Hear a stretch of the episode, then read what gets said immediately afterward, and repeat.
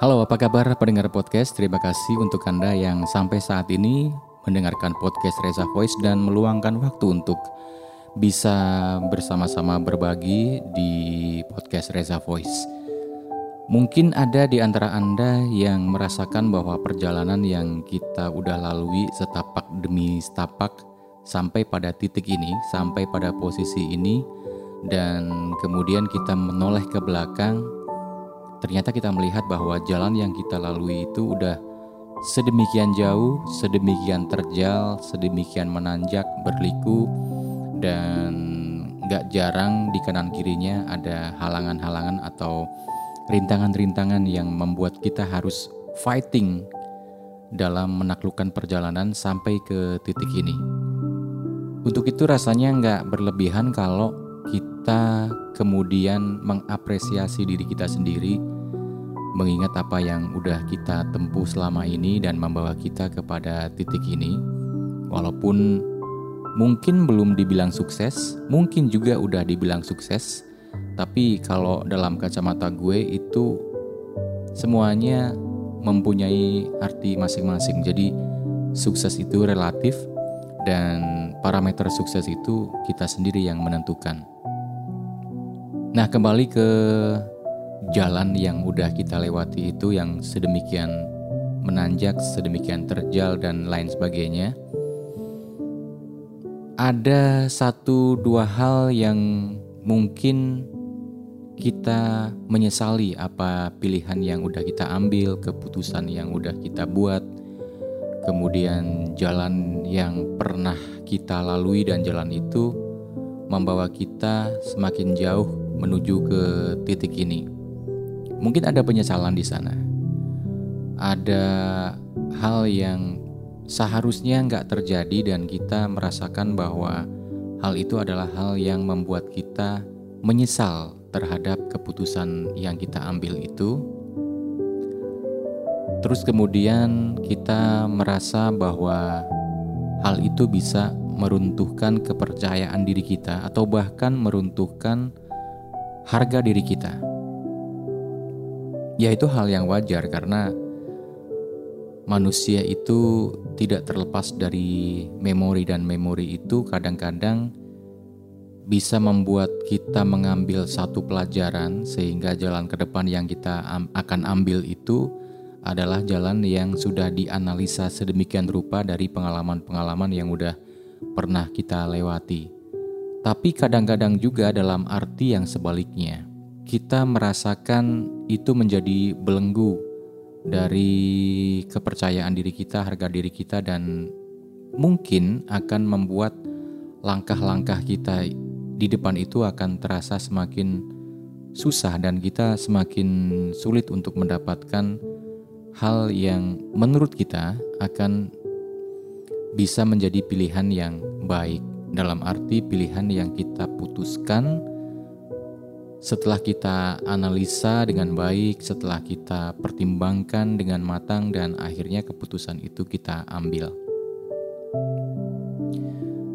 Tapi mungkin itu akan menjadi beban dalam pikiran kita kalau kita nggak bisa menyikapinya dengan bijak, karena bisa aja hal itu menjadi sebuah apa ya tadi udah gue bilang bahwa itu akan bisa membuat beban dan meruntuhkan kepercayaan diri dan bahkan harga diri.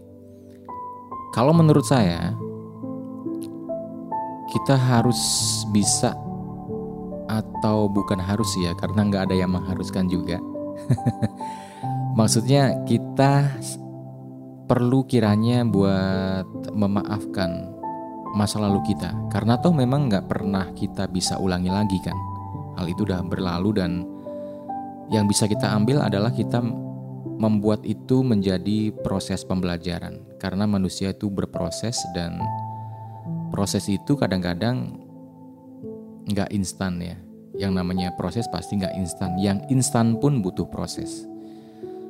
Jadi sesuatu yang udah nggak bisa kita kendalikan lagi ke belakang kecuali kalau kita naik mesin waktu kembali ke era yang sebelumnya dan kita ingin memperbaiki hal itu mungkin beda cerita ya. Tetapi kenyataannya nggak ada mesin waktu kan. Baik untuk kembali ke belakang atau ke masa depan.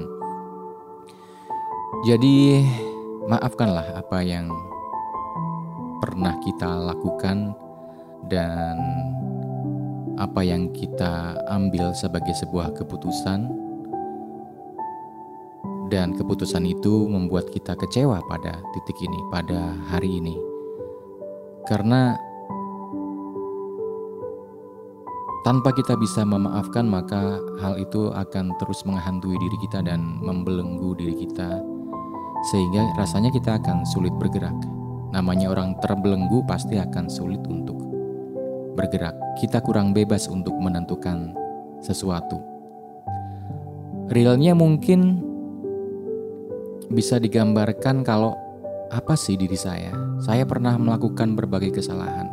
Gue pernah jatuh, gue pernah keliru, gue pernah salah arah, gue pernah salah jalan. Apakah mungkin gue punya kesempatan yang lebih baik untuk memperbaiki diri? Apakah mungkin gue berkesempatan atau punya hak untuk hidup lebih baik lagi? Nah, afeksi-afeksi atau pemikiran-pemikiran yang seperti ini rasanya akan membuat kita jadi apa ya? Jadi susah untuk menatap masa depan secara secara positif, secara penuh harapan, secara optimis gitu. Um, gue bicara kayak gini bukan karena gue mengurui, bukan, tapi karena memang dalam diri gue ada banyak hal yang juga gue sesali yang gue bilang sebagai sebuah kesalahan keputusan yang gue ambil.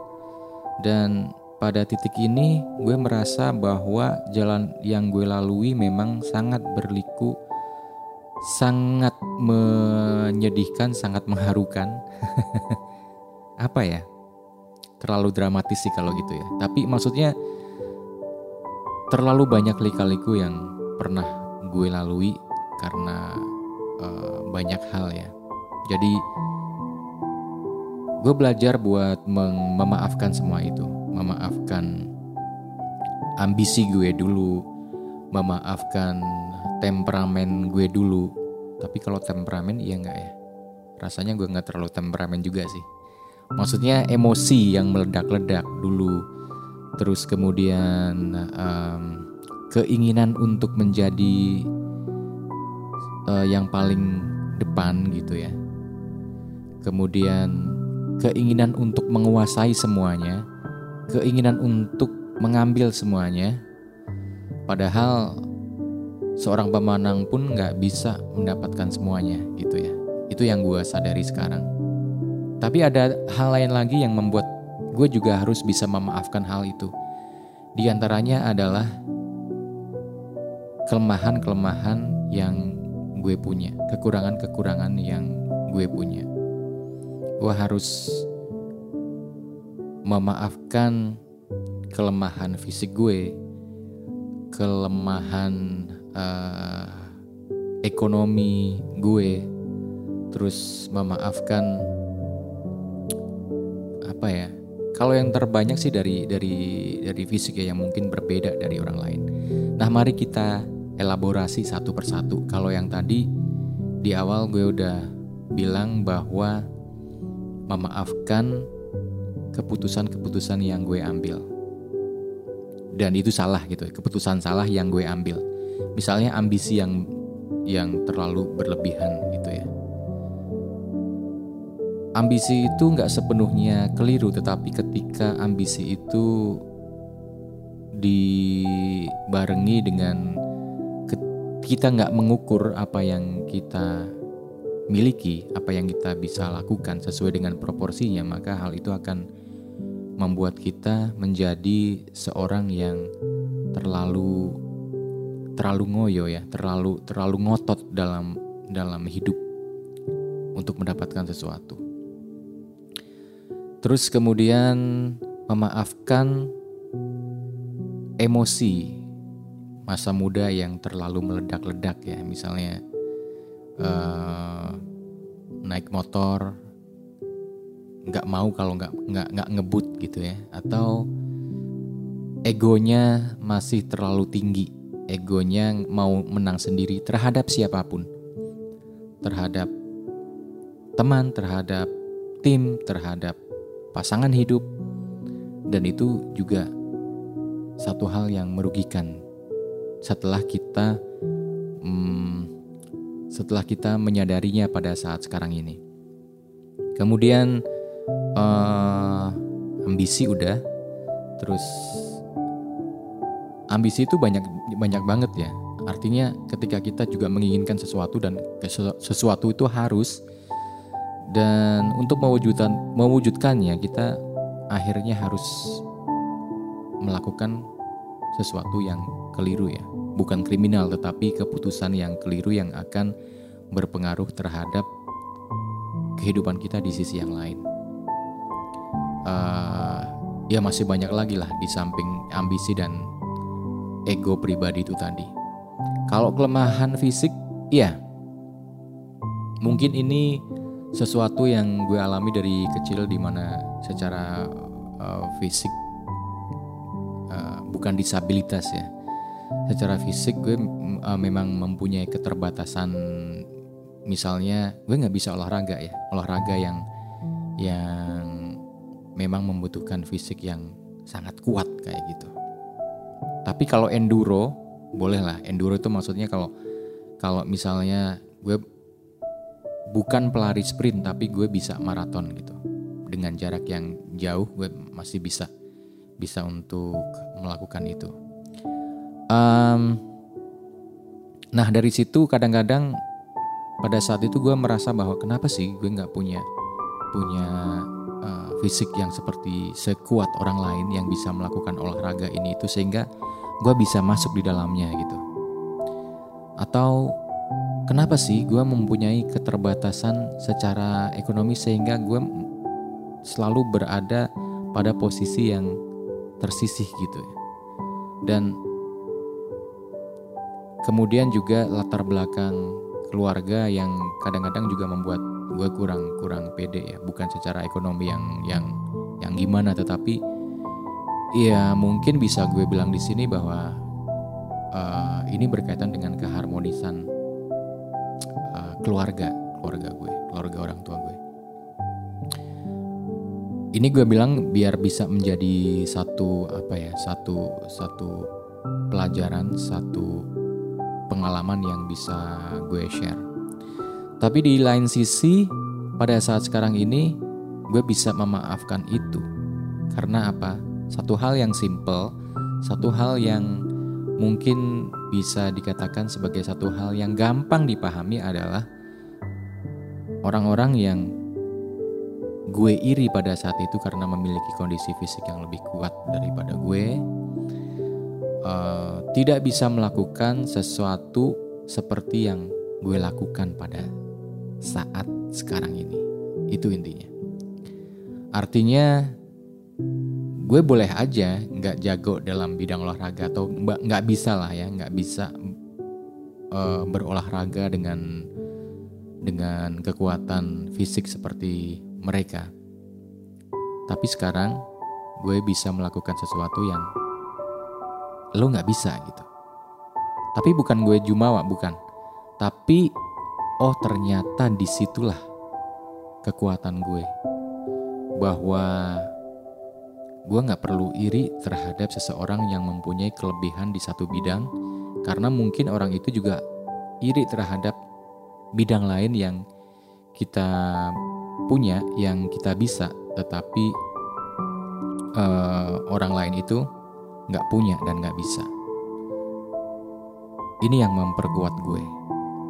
Jadi mungkin secara secara apa ya secara kebijakan sekarang secara dengan bertambahnya usia bertambahnya kedewasaan dan bertambahnya berbagai hal yang membuat kita menjadi semakin matang karena ditempa oleh berbagai jalan yang udah kita lalui itu akhirnya kita bisa mengerucutkan lagi ke dalam hal-hal yang membuat kita merasa bahwa kita harus mensyukuri apa yang kita punya dan kita merasa sangat happy, sangat bahagia dengan keadaan diri kita dan gue memaafkan diri gue yang dulu. Dan sekarang gue merasa bahagia, merasa happy dan merasa bersyukur dengan keadaan gue sekarang ini. Menurut gue itu yang yang yang paling penting sehingga kita merasa bahwa hidup ini memiliki arti. Seenggaknya bagi diri kita sendiri atau bagi orang-orang lain yang dekat dengan kita dan itu membuat kita menjadi semakin rileks dalam menjalani hidup. Semakin bisa berpikir yang strategis, semakin bisa apa ya, menikmatilah menikmati hal-hal terkecil dalam hidup, hal-hal yang yang nggak kita sangka-sangka ternyata hal itu bisa membuat kita menjadi bahagia. Misalnya dengan apa ya? Misalnya dengan uh, sesuatu yang menyakitkan ketika gue dalam tanda kutip disingkirkan dari dari sebuah posisi tertentu ya dan kemudian pada saat itu gue mulai merasa bahwa udah mulai merasa bahwa uh,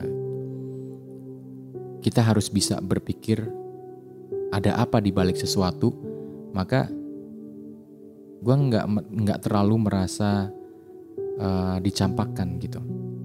Nggak terlalu merasa bahwa gue itu diperlakukan secara tidak adil. Karena ya udah apa yang ada dalam diri gue sekarang ini gue sangat merasa bersyukur. Dan rasa bersyukur itu bisa menjadi satu titik tolak untuk kita bisa merancang rencana masa depan yang lebih baik lagi. Rencana masa depan yang ingin kita inginkan um, sesuatu hal yang bisa membuat kita bahagia gitu. Sesuatu yang mungkin ada satu dua hal yang sifatnya hedon gitu ya. Dan menurut gue itu sebagai bagian dari kita berusaha untuk mengapresiasi diri kita sendiri. Dan ngomong-ngomong mengenai kedewasaan ya, uh, kedewasaan itu membuat kita bisa memilah atau mem, me, menge, mengerucutkan apa yang yang menjadi goals kita. Kalau dulu kan gue tadi bilang bahwa ambisi itu membuat gue pingin bisa mengambil semuanya, pingin menguasai semuanya ya. Tapi sekarang ada beberapa hal yang udah gue mulai gue pertimbangkan atau udah gue lakukan untuk uh, menghapus itu atau memending itu dari goals gue. Salah satu contoh misalnya, kalau dulu uh, gue merasa banyak bisa, banyak kebisaan ya, banyak hal yang gue bisa misalnya. Gue merasa bisa desain grafis, merasa bisa uh, fotografi, merasa bisa apa ya, menulis, merasa banyak hal lah. Dan pada titik sekarang ini gue udah mulai mengerucut dan dan mendudukkan sesuatu yang yang nggak gue nggak bisa berkompetisi di dalamnya untuk gue singkirin. Um, Misalnya kalau dalam bidang fotografi, gue berusaha untuk membuatnya itu menjadi hobi aja, karena ya gue nggak bisa berkompetisi di situ, gue yakin. Terus eh, desain juga seperti itu, sama kasusnya seperti itu. Jadi ya gue karena gue suka aja dan gue nggak mau berkompetisi di sini, karena satu hal yang gue bisa berkompetisi adalah di dunia voice over talent gitu. Maka di situlah jalan yang gue ambil, yang gue bener-bener fokus, yang gue menjadikan sebagai uh, sebuah kekuatan pada diri gue yang bisa yang bisa membuat kehidupan gue secara secara psikologis dan material bisa bisa gue bisa andalkan gitu. Jadi mulailah gue untuk membangun hal itu. Jadi sekitar berapa ya? Satu tahun belum ada dua tahun sih satu tahun lebih ya. Gue uh, secara profesional bekerja secara freelance ya tapi menjadi seorang voice over talent. Dan it's work gue nggak perlu bergantung pada orang lain meskipun diawali dengan sesuatu yang sederhana kalau dulu pada saat emosi, ego, ambisi lagi tinggi-tingginya, gue merasa bahwa studio gue ini harus terbaik sesuatu uh, harus seketika itu juga terbaik. Karena gue pikir pada waktu itu ini kan buat kerja gitu ya. Tapi sekarang nggak, uh, gue mulai bisa untuk mengaplikasinya secara bertahap ya.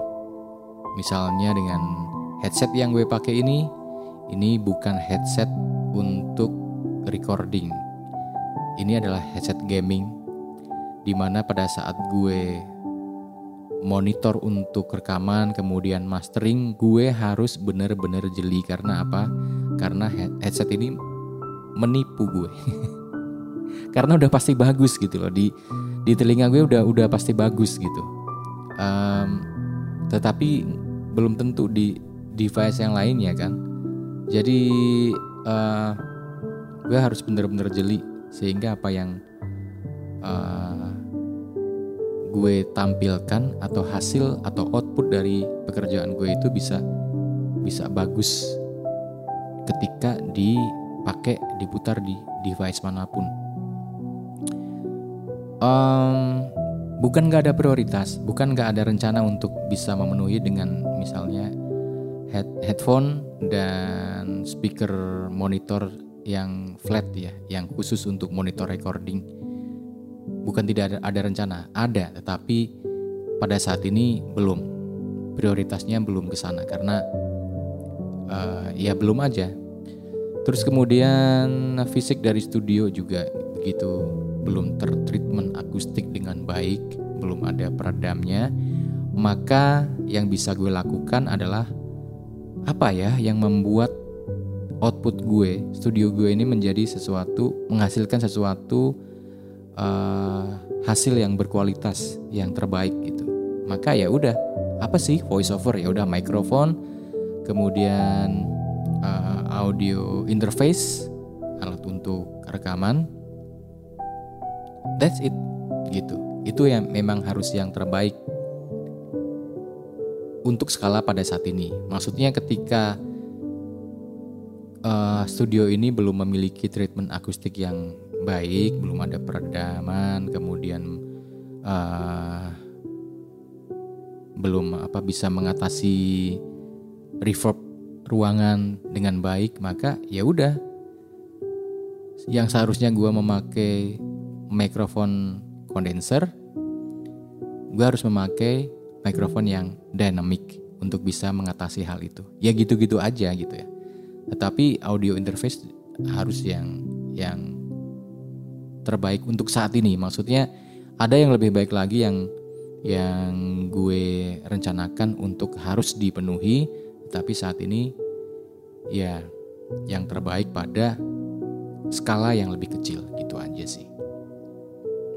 Kok sampai ke situ ya? ya udah intinya um, gue pun lagi belajar untuk bisa memaafkan masa lalu, um, memaafkan kelemahan kita, karena pasti Tuhan tidak akan menciptakan sesuatu yang sia-sia. Hanya tugas kita mungkin mencari di mana kekuatan kita dan untuk apa kekuatan kita itu diberikan. Eh, uh, kita punya tugas apa sih dalam hidup ini? Itu yang harus kita cari. Walaupun sampai saat ini gue belum bisa menemukan, tetapi setidaknya ada beberapa hal atau ada banyak hal dari masa lalu dari kelemahan yang gue bisa maafkan. Sehingga gue bisa lebih menghargai diri gue lebih bisa merasa bersyukur dan bisa menciptakan rasa happy karena kebahagiaan itu kata orang kita sendiri yang ciptakan kita nggak bisa bergantung kebahagiaan dari orang lain yang memberikan. Terima kasih, semoga bermanfaat. Sampai ketemu lagi di podcast Reza Voice yang akan datang. Oh ya, jangan lupa untuk mendengarkannya di Spotify, di Anchor, di Google Podcast, Apple Podcast, dan channel YouTube Reza Voice. Sampai jumpa.